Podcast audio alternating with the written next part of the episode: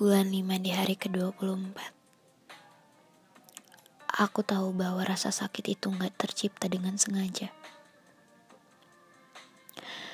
Walaupun setiap harinya hidupku selalu dihadapkan dengan kecewa dan air mata.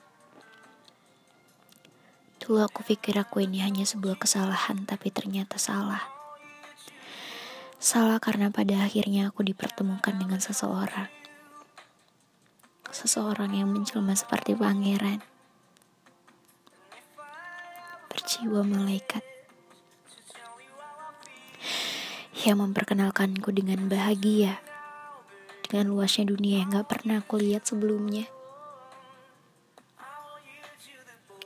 Dia pernah jadi salah satu alasanku untuk tetap hidup. Tapi rasanya semua berjalan begitu cepat.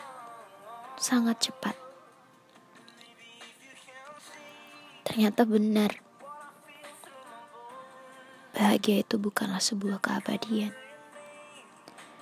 Dan kamu seseorang itu.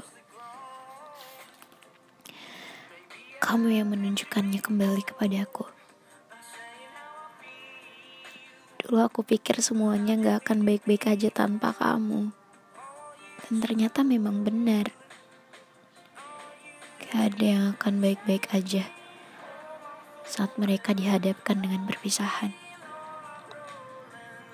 Cuma kadang aku ngerasa kenapa masih ada ya yang tega nyakitin manusia seperti aku yang jarang banget nemuin kebahagiaan dalam hidupnya.